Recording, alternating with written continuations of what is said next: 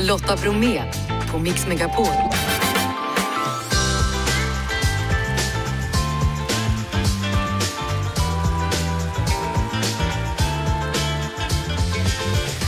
Hallå där och varmt välkommen till oss. Klockan är efter 16 och här är vår onsdagsmix. Hampus Hedström vann årets Let's Dance men vart tog egentligen glasskon vägen? Det tar vi reda på efter klockan 17. Epa-traktorer i Vilhelmina har ett budskap. Freja berättar vilket hon vill ha på sitt fordon. NATO men hur blir det? Blir vi med eller inte? Detta och en massa annat. Alldeles strax också då Niklas Ekstedt. Han har tagit fram grillen. Nu blir det vilda kockar i TV. Och vad gäller maten? Ja, strax vet vi. Nu kör vi! Där hade vi Tattoo med Loreen, alltsammans här efter 16. Jag heter Lotta Bromé, du är varmt välkommen till Mix Megapol. Och det är också Niklas Ekstedt, the Godfather of Fire Cooking som han kallas. Ja, inte illa. Och när du hörde Loreen här nu så berättar du att du var inblandad i Eurovision. Ja, precis. Jag, jag var där på BBC-sändningen på morgonen och gjorde eh, förmiddags-tvn inför festen, förfesten, så lagade mat där på. Vad lagade du då? Gick det bra? Eh, Jag lagade svenskt smörgåsbord. Jag tänkte att det skulle eh, låta britterna få liksom lite så smörgåsbordaktigt så de skulle kunna duka upp inför den här festen på Ja. kvällen då. Och hur, hur blev det med recensioner? Nej, de blev urusla. Vi, fick- det var tabloiderna dagen efter, de, gav, de gjorde en sån ranking av hur bra eh, sändningen var. Jag var också utklädd som Björn i ABBA, måste jag tillägga också. På riktigt? Ja. Varför, varför då? Hade du hans gamla jag- dräkt på dig? Nej, nej, nej, Nej. jag köpte den på Amazon, den var ju Ja. jättebillig. Alltså typ sån där sparkdräkt som han hade när han Ja, vann? ja, precis. Åh ja. jäklar, Ja. hade du platådojor också? Nej, hade jag inte, för jag tänkte Nej. det var jobbigt att stå i hela dagen. Ja. Eh, nej, jag fick eh, eh, noll, eh, zero points, jag fick. Alltså jag känner jag måste se en bild på det här, du får visa det sen. Ja, herregud, jag tror jag, ganska snabbt, det kändes bara som en, jag vet, det kändes skitbra när jag planerade men sen blev det lite grann typ som en dålig svensk Sånt händer. Sånt händer. Man kan inte alltid vara på topp. Nej, det kan man inte. Men du, underbart att se dig igen. Vi har ju Tack tidigare bland annat pratat om Crazy Delicious Just på det. Mm. Netflix där du var jurymedlem. Och nu är du aktuell som programledare då för ett nytt matlagningsprogram på SVT med premiär imorgon. Vilda kockar. Ja, exakt. Vad är det för program? Ja, det är ett program som är inspelat på Höga Kusten i Ångermanland. Eh, högst upp på Skuleberget står vi och så är det matprofiler. Så det är liksom inte det är inte vem som helst som är med utan det är liksom kända namn som man känner igen inom från matlagningsvärlden i Sverige. Ja, typ Lisa Lemke, Leila Lindholm, Seina Mortada, Filip Horn, Ja. Erik Videgård. Exakt. Eh, lite blandade åldrar, lite blandade genrer och de får utmaningen då att laga mat över öppen eld som är min, min teknik. Ja, ja, jag fick ju en gasolgrill igår när jag skulle hålla en föreläsning för ett företag. Ja. Det var ju en förolämpning. Men eh, i alla fall, eh, eh, det här är över öppen eld uppe på Skuleberget och man har vilt som råvara. underbart. Ja, så det är lite grann för att få folk att eh, bli inspirerade av eh, Höga Kusten men också vad man kan göra med våra fantastiska vilda råvaror i Sverige. Ja. Och, och lite grill. Grillsäsongen närmar sig med storm, stormsteg. Ja, den är redan och, eh, här, skulle jag vilja Ja, säga. det är Ja, den. Och du ja. ska få berätta mer och ge oss lite tips. Jag bara tänkte på Ja, det här vad kul. stackars företaget då som ger dig den här gasolgrillen. Det är ungefär som när man klär ut sig till ABBA om man skulle prata mat. I TV. Jag vet inte, vad, vad, vad känner Eller du? Bob Dylan med elgitarr, jag vet inte. Ja. Niklas Ekstedt, Ja. the Godfather of Fire Cooking, är det som är gäst. Imorgon har premiär alltså för ett nytt matlagningsprogram. Vilda kockar i SVT. Strax så får vi grilltips, öppen eld-grilltips vill säga. Du lyssnar på Lotta Bromé på Mix Megapol. Under låten här så tittade vi på det här, på bilden då där du är utklädd till Björn Ulvaeus och Ja. så. Jag, jag det känns nästan lite taskigt för att alla sa vi ska komma utklädda, vi ska Ja. komma klädda i mellokläder. Vad Ja. hände? Det är du som Nej, kommer. det var bara jag som var utklädd. De andra hade någon väst och lite glitter i håret. Så. Det skulle vara den här Eurovision party på BBC. Ja. ja nej. Och, och en kvinna hon hade bara liksom lite tejpat glitter i Ja, pannan. exakt. Och där kom jag utklädd till ABBA från Björn. Så jag kände mig lite grann som hon i, är det Fyra bröllop en begravning hon kommer Ja. utklädd till kanin i, Det blir fel. ja det blir fel. Eh, Nu ska vi se. Vilda kockar premiär imorgon. Ni kan bjuda på den bilden om ni vill. Torsdag då. Ja det gör vi på Ja. Instagram, vi lägger Ja. ut den Ja. härliga bilden. Eh, när du grillar då, imorgon Ja. är det premiär, Yes. Mm. eh, första juni. När du grillar, kör du alltid öppen eld? Ja, till mina äh, grannars förskräckelse så luktar det alltid bränt i vårt kvarter. Ja, det är alltid någon jävel som kommer och säger det är eldningsförbud. Eh, Ja. Men eh, ja, jag kör på. Men, men det här med elgrill eller gasolgrill? Nej, glöm det. Ja. Ja. Men vad ska du göra med den du fick häromdagen då? Nej, den fick de behålla. Jaha, ja. Nej, gasol går inte. Du, vad tycker du vi ska grilla i sommar? Eh, I sommar så tycker jag definitivt man ska grilla mycket grönsaker. Ja. Eh, och eh, det är alltid gott, enkelt och sen börja med grönsakerna. För oftast har man lite för hög värme när man grillar. Man lägger på lite för mycket kol, man studsar på kolen lite för mycket och så är det för hög värme. Så då kan man börja med lite kol, eller lite grönsaker på den där varma kolen. Och då är det lagom sen att grilla lite köttet eller fisken. Men, men hur funkar det? Alltså, passar alla grönsaker att grillas? Eh, ja, de flesta går att grilla faktiskt. Eh, det, eh, ja, det skulle jag vilja säga. En annan litet knep är att köpa en gjutjärnspanna på loppmarknad kanske som man har i grillen också i början när det är hög temperatur. Så kan man ha den i grillen och så kan man steka grönsakerna i den så får man all smak och allt. Och sen är det ju liksom den här frågan också då, ska man marinera eller inte marinera? Ja, det, är ju, det beror ju på vad man ska göra för någonting. Men generellt så tycker jag att folk håller på att mecka för mycket med marinaden. Att det är bättre att bara grilla istället för att hålla på och lägga in skiten i massa salt och socker. Ja, men gäller det samma för, för liksom proteinet, för fisken eller? Alltså fisk tycker jag inte man behöver marinera överhuvudtaget. Där kan man ju Nej. avsluta med någonting gott. Men eh, grill, köp lite bättre kött, grilla den och ha en kötttermometer så att det blir korrekt temperatur. Grilla lite grönsaker och sen lägg tiden på att göra en god sås istället. Så slipper man hålla på att förbereda sju dagar innan. Och sen är det likadant med grönsakerna då, för ibland så är man ju hos någon och där har de marinerat så allting smakar likadant. Ja, exakt, och det blir bara salt. Men ett bra knep är ju att ha en köpa lite, istället för att köpa dyra såser och sådär, köp en bättre kvalitet av en olivolja. Och sen när du har grillat färdigt grönsakerna så vänder man den i den goda olivoljan och lite salt och citron. Så är det klart. Smart, oerhört smart. Och så Ja. kan man ha lite färska örter kanske. Exakt, verkligen. Plantera lite extra i trädgården för de är ju jättedyra i butiken de där och de dör ju snabbt med en gång också. Den stackars basilikan överlever ju knappt vägen hem. Nej, vad är det som händer? Jag vet inte, den är liksom, den ger upp. Den säger så här, jag vill inte med dig hem, så bara lägger den sig på sidan. Eh, Kan man göra någonting annat då med sin kol eller, eller glöd? Det här med rökspån och sånt, är det för avancerat? Eller? Ja, jag kan tycka att det är lite, nästa nivå liksom. Och det blir lite så här, titta vad pappa kan. så det kan man ju liksom lugna sig med. Men en grej man kan göra är att man kan använda lite, bara lite björkved i, i grillen om man vill ha den där vedsmaken liksom riktigt. Då brukar jag ta, men se till att ta bort barken bara så att det inte blir massa kära smak från björken. Men en liten björkkvist i, eller lite en kan man också Lite lägga, en också? Kan man lägga i. Smart. Ja. Eh, Och sen avslutningsvis då, Mm. den indirekta värmen. Indirekt eller direkta värmen, Ja, den ska vi- eviga diskussionen. Berätta. Ja, alltså en, en grill ska alltid ha en direkt värme och en indirekt värme. Så det är därför, man, man kan inte bara hälla i en hel påse grill och bara tända på och så har det 700 grader varmt. Utan man måste ju grilla lite på sidan och sen så har du den, har du den indirekta värmen till vänster eller höger om, ja, på sidan. Eh, Så börja med den direkta värmen och sen kan du lägga, över det lite kallare. Så det är helt enkelt att du har två tem- temperaturer på grillen. Är det något som passar bättre på ena sidan än den andra då? Eh, nej, du börjar alltid på den varma sidan och sen flyttar man över på Så den lugnare Så sidan. att det inte hinner bli torrt. Eh, Exakt, exakt. Hörru du, vad kul det ska bli att titta på första avsnittet Ja, imorgon. absolut. Det ska bli kul också. Jag har inte själv sett hela första, jag bara såg det bitar av det. Så det ska bli spännande. Ja, vilda kockar alltså. Ja, poppa popcornen. Poppa popcornen och kolla Ja. imorgon. Ja, Jag ska hem till Erik Videgård, han är ju expert på asiatisk mat. Så det blir nog några flaskor rödvin och lite asiatiskt hemma hos honom. Så det blir nice. Det blir mycket nice, Ja. det förstår jag. Eh, tack för att du kom förbi. Du, tack så jättemycket. Alltid lika roligt att vara Ja, här. detsamma. Jag vill gärna detsamma. komma tillbaks. Du är varmt välkommen Ja. tillbaka och nu lägger vi ut bilden på dig som Björn ja, men gör Ulvaeus. det. Är det okej på ja, Instagram absolut. stories? Ja, förnedra för mig det. hela vägen. Tack Niklas. Kram. Lotta Bromé på Mix Megapol. Ja, ni är ju många som berättar vad ni har för olika eh, paradrätter. Då. En kycklinggryta med farmors hemmagjorda äppelchutney eller curry massaman skriver Hellan 87 medan Jonsson 284 skriver pasta carbonara är min eh, paradrätt. Och eh, Tove 329 skriver omelett. Så lätt var det. Eh, vi har också kollat in, jag sa ju det förut, att det fanns en person som heter Emil som har en paradrätt som är kålpudding. Hallå Emil! Hej Lotta! Hallå, Tidblom i Hej. Tidaholm, är det så?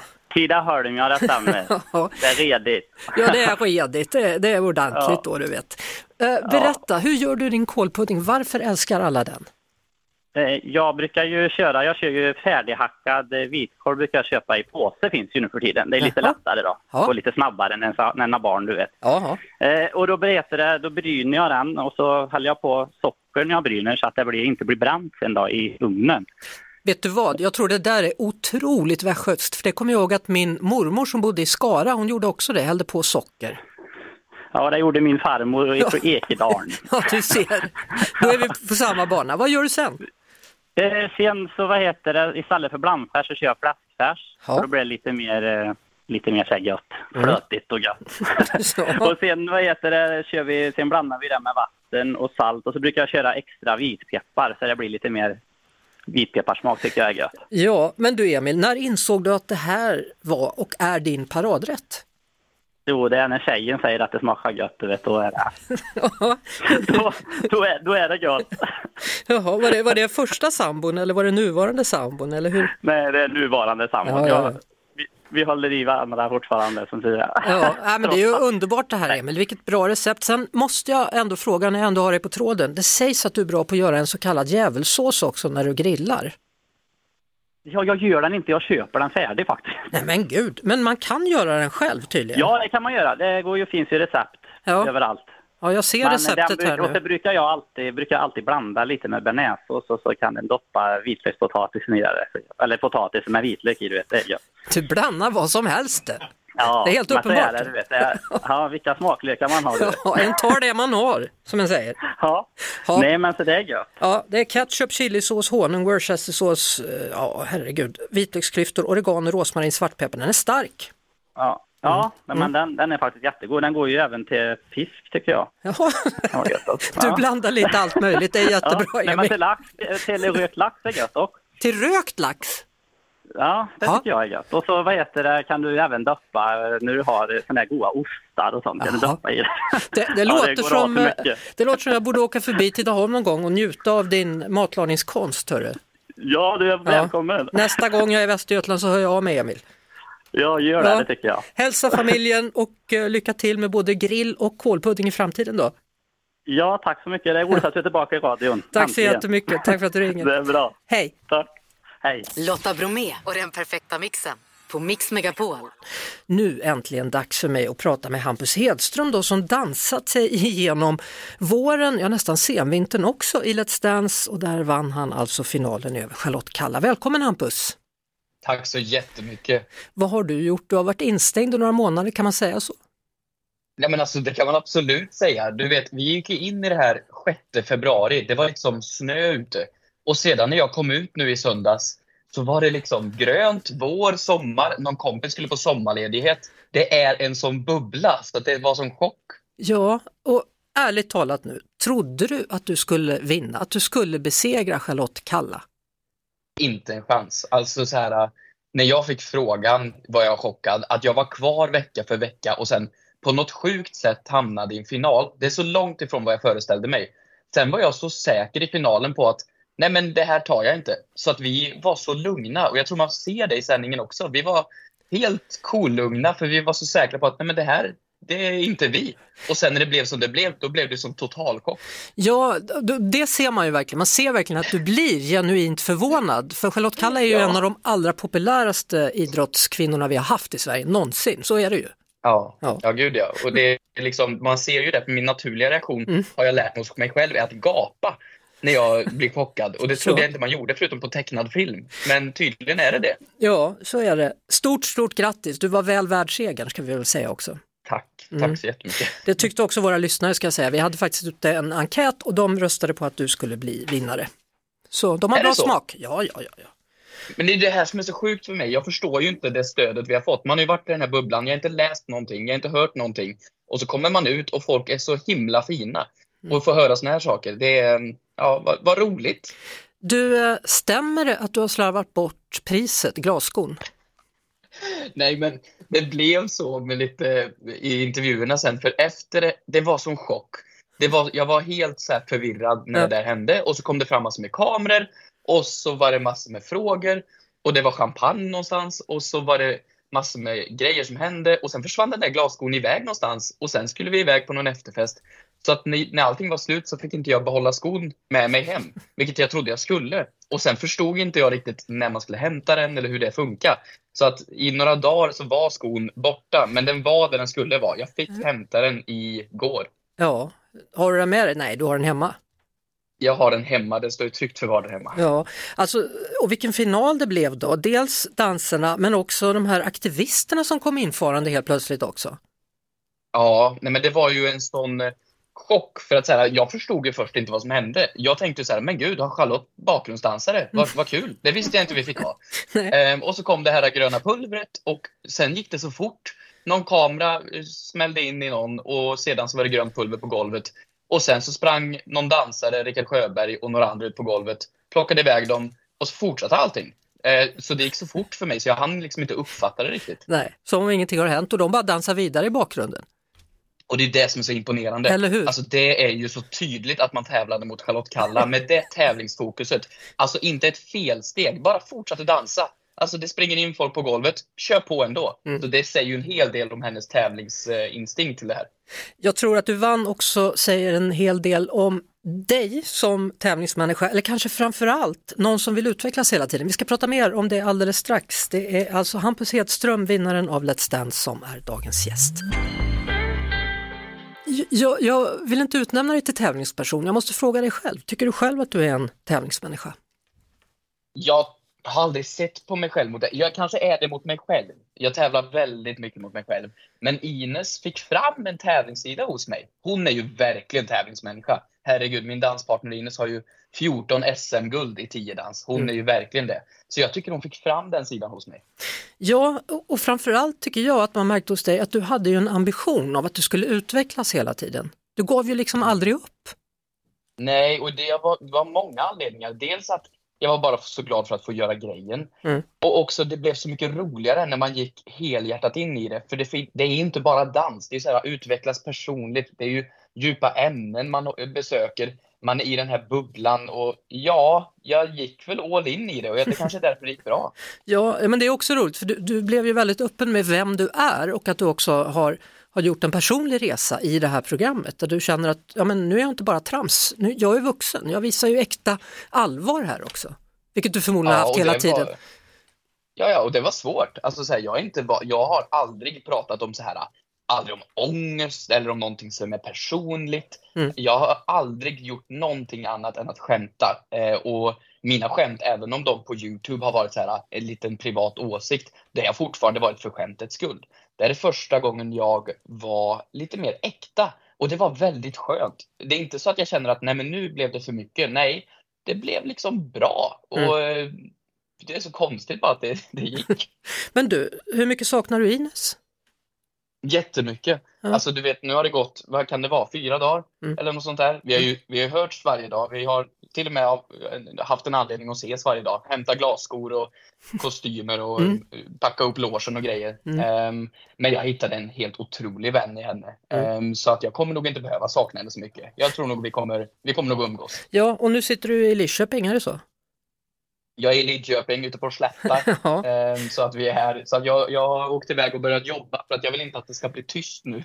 För den, den här bubblan får inte spricka än. Nej, och där håller du på att förbereda nya avsnitt av Snorkråkan om jag förstått det rätt, eh, i barn-tv. Precis. Mm. Ja, vi håller på att filma säsong fyra nu. Men du, hur går det för din eh, Youtube-klippare då? Tycker inte han att, han borde, att du borde ha tid för honom lite nu eller? Jo, jag vet. Jag lämnade honom i februari och han sa, men vad ska jag göra? Jag sa, skriv lite manus. Och så nu hittade jag honom kvar på kontoret i förrgår. Och då satt han där med 20 eller 25 manus han har skrivit. Och nu är han så sugen på att börja spela in det. Men, och det är jag också. Men nu ska jag iväg och göra barnprogram och sen i höst blir det mer äventyr. Så jag vill ju göra så mycket men tyvärr finns det bara 24 timmar. Ja. Ja, vad, vad ska vi göra med Mm. honom då? Vad. Ja, men jag, alltså jag, jag tänker att om vi skickar lite kaffe och lite så här nötproviant så tror jag han överlever. Fyra månader 100 till, eller? sen. Hela sommaren ska han sitta och vänta. Ja, Ja. så mycket manus. Vi ska prata mer om en ny humorserie då, Orten möter landsorten på SVT alldeles strax. Det är Hampus Hedström, vinnaren av Let's Dance, som är vår gäst. Det är Hampus Hedström som är dagens gäst. Hampus Hedström, vinnaren av Let's Dance. Tänk dig nu, nu kommer du alltid bli presenterad så Hampus i fortsättningen. Nej, men jag, jag blev inte van det där, för att i och med att jag var så chockad när folk sa det sen så här, här kommer vinnaren av Let's Dance. Jag, jag var inte med på det. Vi gick ju runt på slutfesten och letade efter vinnarna. På riktigt. Vi, vi Ja. var så förvirrade.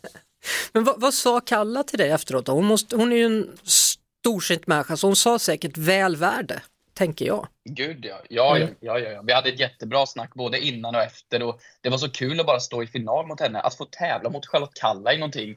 Och hon är en så varm och fin människa. Så Mm. att eh, vi hade det väldigt bra. Vi hade en grym final. Mm, det hade ni. Eh, den här stackars redigeraren han sitter och väntar, han får vänta ett tag till. Eh, podden har tagit lite paus just nu, podden som, som du gör på Podplay. Eh, TV däremot, dels planerar ni nu Snorkråkan men det finns ju också en humorserie, Orten möter landsorten på SVT, vad är det för serie? Ja, precis. Den, det är ju så kul att den började rulla nu mitt under Let's Dance också. Den går ju på SVT och den heter Från trakten och det är också ett sånt här fantastiskt passionsprojekt som var så kul att göra. Det är, handlar om en tjej från förorten i Stockholm som blir fosterhemsplacerad hos en familj i Värmland där jag blir hennes eh, fosterbror. Ehm, och eh, då har vi orten som möter Värmland och där har vi kärlek, drama, konflikt och humor. Ja, hur, hur, hur funkar det? Är det kul? Men jättekul! Och det var så roligt också för att jag och eh, Jelassi då som spelar den andra huvudrollen, vi hittar ju varandra i det där också. För att jag, jag har inte stenkoll på liksom coola rapartister och allting som hon kan. Och hon kan absolut ingenting om Värmlandskultur och hackkurv och liknande. Så att vi hittar varandra i våra karaktärer i verkligheten. Så den sommaren när vi spelade in det, det var att uppleva serien i verkligen. Just hackkorv är ju viktigt att veta allt om. Det tycker jag verkligen. Det är väldigt viktigt. Hon fick smaka också, men det var inte så gott. Nej. Du, eh, hinner du med något privatliv mitt i allt det här då? Jo, men det gör jag. Nu har jag precis landat ur bubblan och liksom jag har jag har, jag, har, jag har en dröm om att hinna spela lite golf i sommar. Det är en stor dröm jag har. Så vill någon spela golf där ute så är det bara att höra av er. Ehm, jag ska absolut försöka få lite semester. Ta en vecka. Men eh, det är så mycket kul nu så jag känner bara att jag tänker, tänker fortsätta med det. Men inga, du har inga relationer, du är singel, du kör på? Eller? Nej, nej, jag har min eh, underbara flickvän. Hon eh, fick följa med ner hit till Lidköping nu. Så hon sitter på hotellet här och jobbar, jobbar hemifrån, bortafrån. Jaha, men det är ju skönt att, att, hon eh, inte, att du inte sätter henne på hold som du har gjort med redigeraren i alla fall, utan nu, hon får vara nej, med. henne har jag, inte, jag har inte lämnat henne i fyra månader. Hon, hon bor kvar hemma. Ja, vad skönt. Eh, Hampus, stort tack för att du var med idag. Jättekul att få prata med dig och du är varmt välkommen till ett häng här innan sommaren tar vid. Mer än gärna. Bara bjuda in så kommer jag. Då gör vi det. Tack ska du ha för den här gången. Tack så Vi ses. jättemycket. Hej så länge. Lotta Bromé och den perfekta mixen på Mix Megapol. I Vilhelmina där finns ett initiativ där gratis dekaler med positiva budskap trycks till ungdomar som vill sätta den på sina epor. Freja Selmbro är en av de som har hakat på. Hallå Freja! Hej! Ja du, det här tyckte du var en bra idé, att få en dekal. Ja, verkligen. Det är ett jättefint initiativ. Ja, hur fick du reda på att det fanns? Ja, det var en Facebook-länk Mm. jag såg. Och Jag därför, mejlade direkt. ja, visst, och då visste du exakt vad du skulle ha för tryck eller? Eh, nej, jag funderade en stund Mm. eh, och jag kom fram till det är coolt att vara snäll. Apropå det, jag har läst om det i andra sammanhang också, att du ska engagera dig i äldrevården i sommar med din epatraktor. Ja, det blev inte så. Jag ska vara på ICA-tallen. Jaha, varför blev det inte så? Var det ingen som vågade åka med eller är det att ingen har Nej, fattat? men jag, jag ville bara hellre vara på ICA. Det Jaha. var som, jag var där i två somrar, så då var det som att jag, jag stannar kvar där. Ja, ja. liksom. Men då är säkert någon som kommer komma in där och säga, kan inte du köra mig en liten tripp? För jag vill gärna pröva hur det är att åka epatraktor. Det är kanske folk som inte har gjort det. ja, det är många som frågar. Det händer ibland att någon Mm. frågar. Va- varför valde du den dekalen? Det är coolt att vara snäll. Ja, det var som bara en allmän dekal. Alltså för alla liksom. För alla kan ju vara snäll om man vill det. Ja, Eh, det, det var olika förslag jag hade. Jag, alltså jag skiftade mellan det och så sen eh, att man, ja, jag vet inte, att, man, att där, ser du och duger som du är till exempel var ett ja, förslag jag hade. får man ha fler dekaler? Alltså, eller trycker de en till varje traktor? Nej, det är som en till varje traktor då. Ja, ja. Du, vad, vad tänker du? Är ryktet på väg att förändras för epakulturen eller?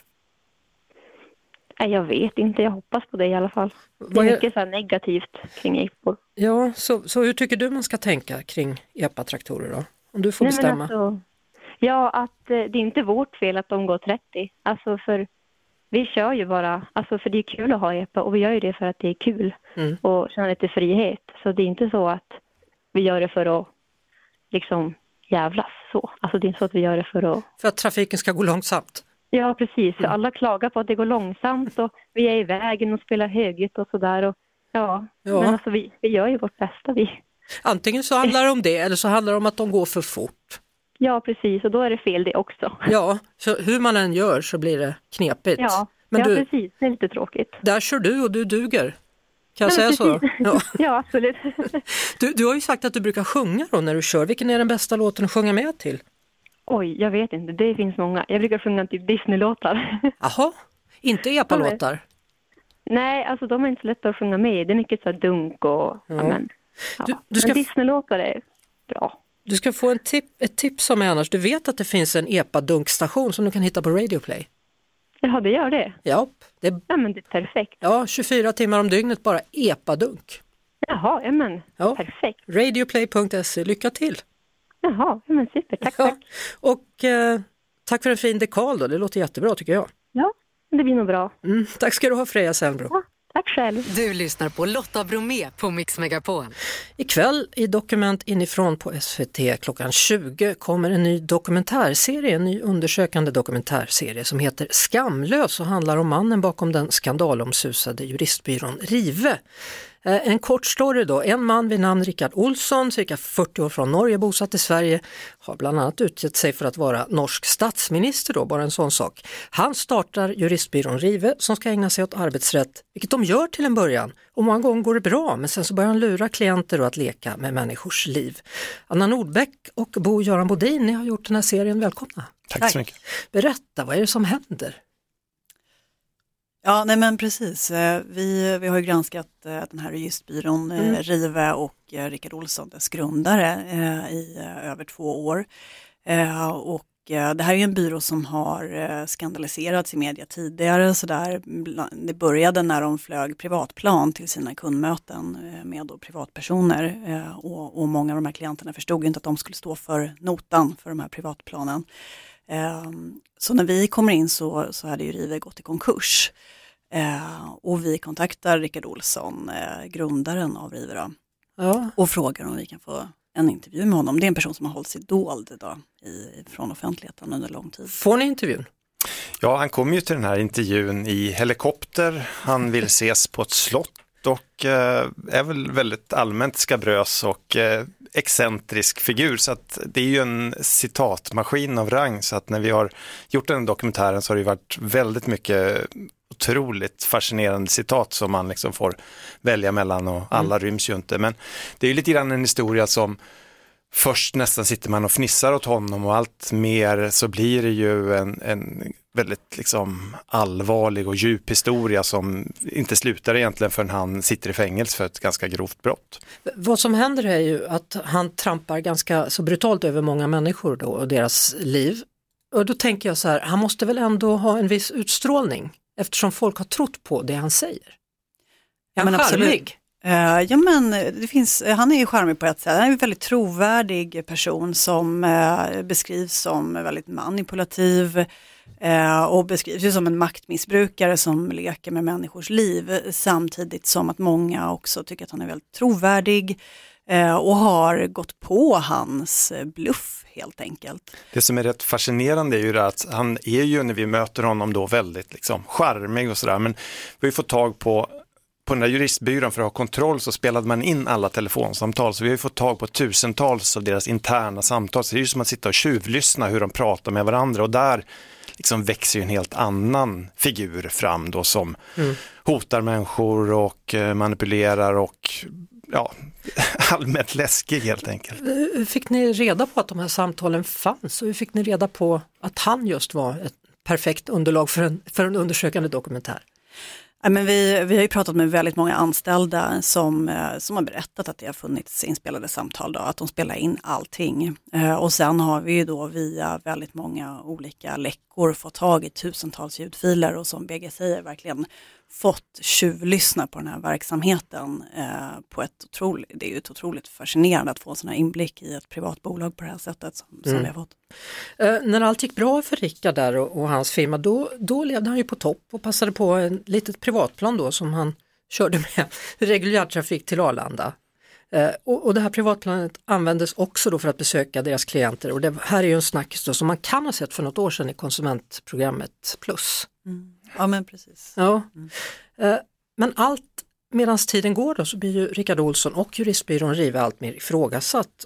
Och när han stöter på hinder så tar han nästan till vilka medel som helst för att få som han vill. Är han läskig? Kan han vara läskig? Alltså, många anställda som vi har pratat med har ju varit väldigt rädda för Rickard Olsson, att man inte vet vad han kan göra, vilka gränser han eh, har. Eh, Så det har ju funnits en stort obehag Mm. kring.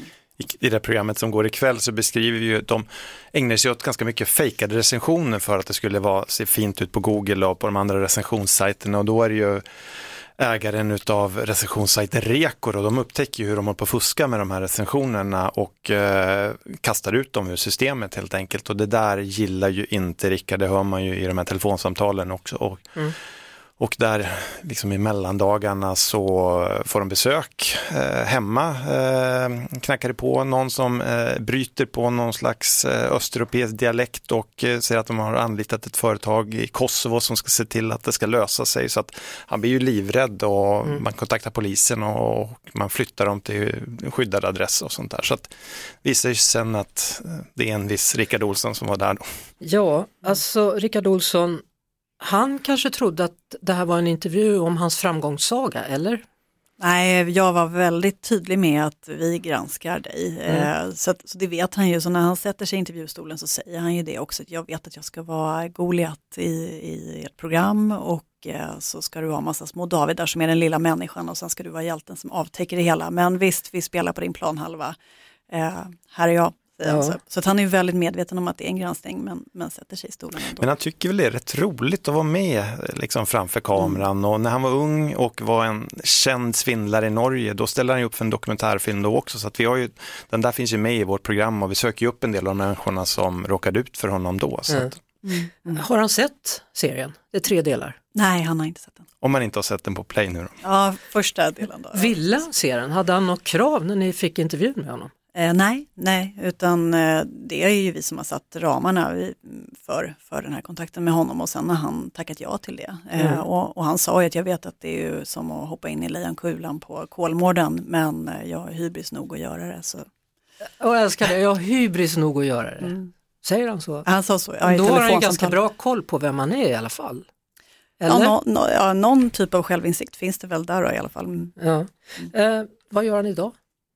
Idag sitter han i fängelse.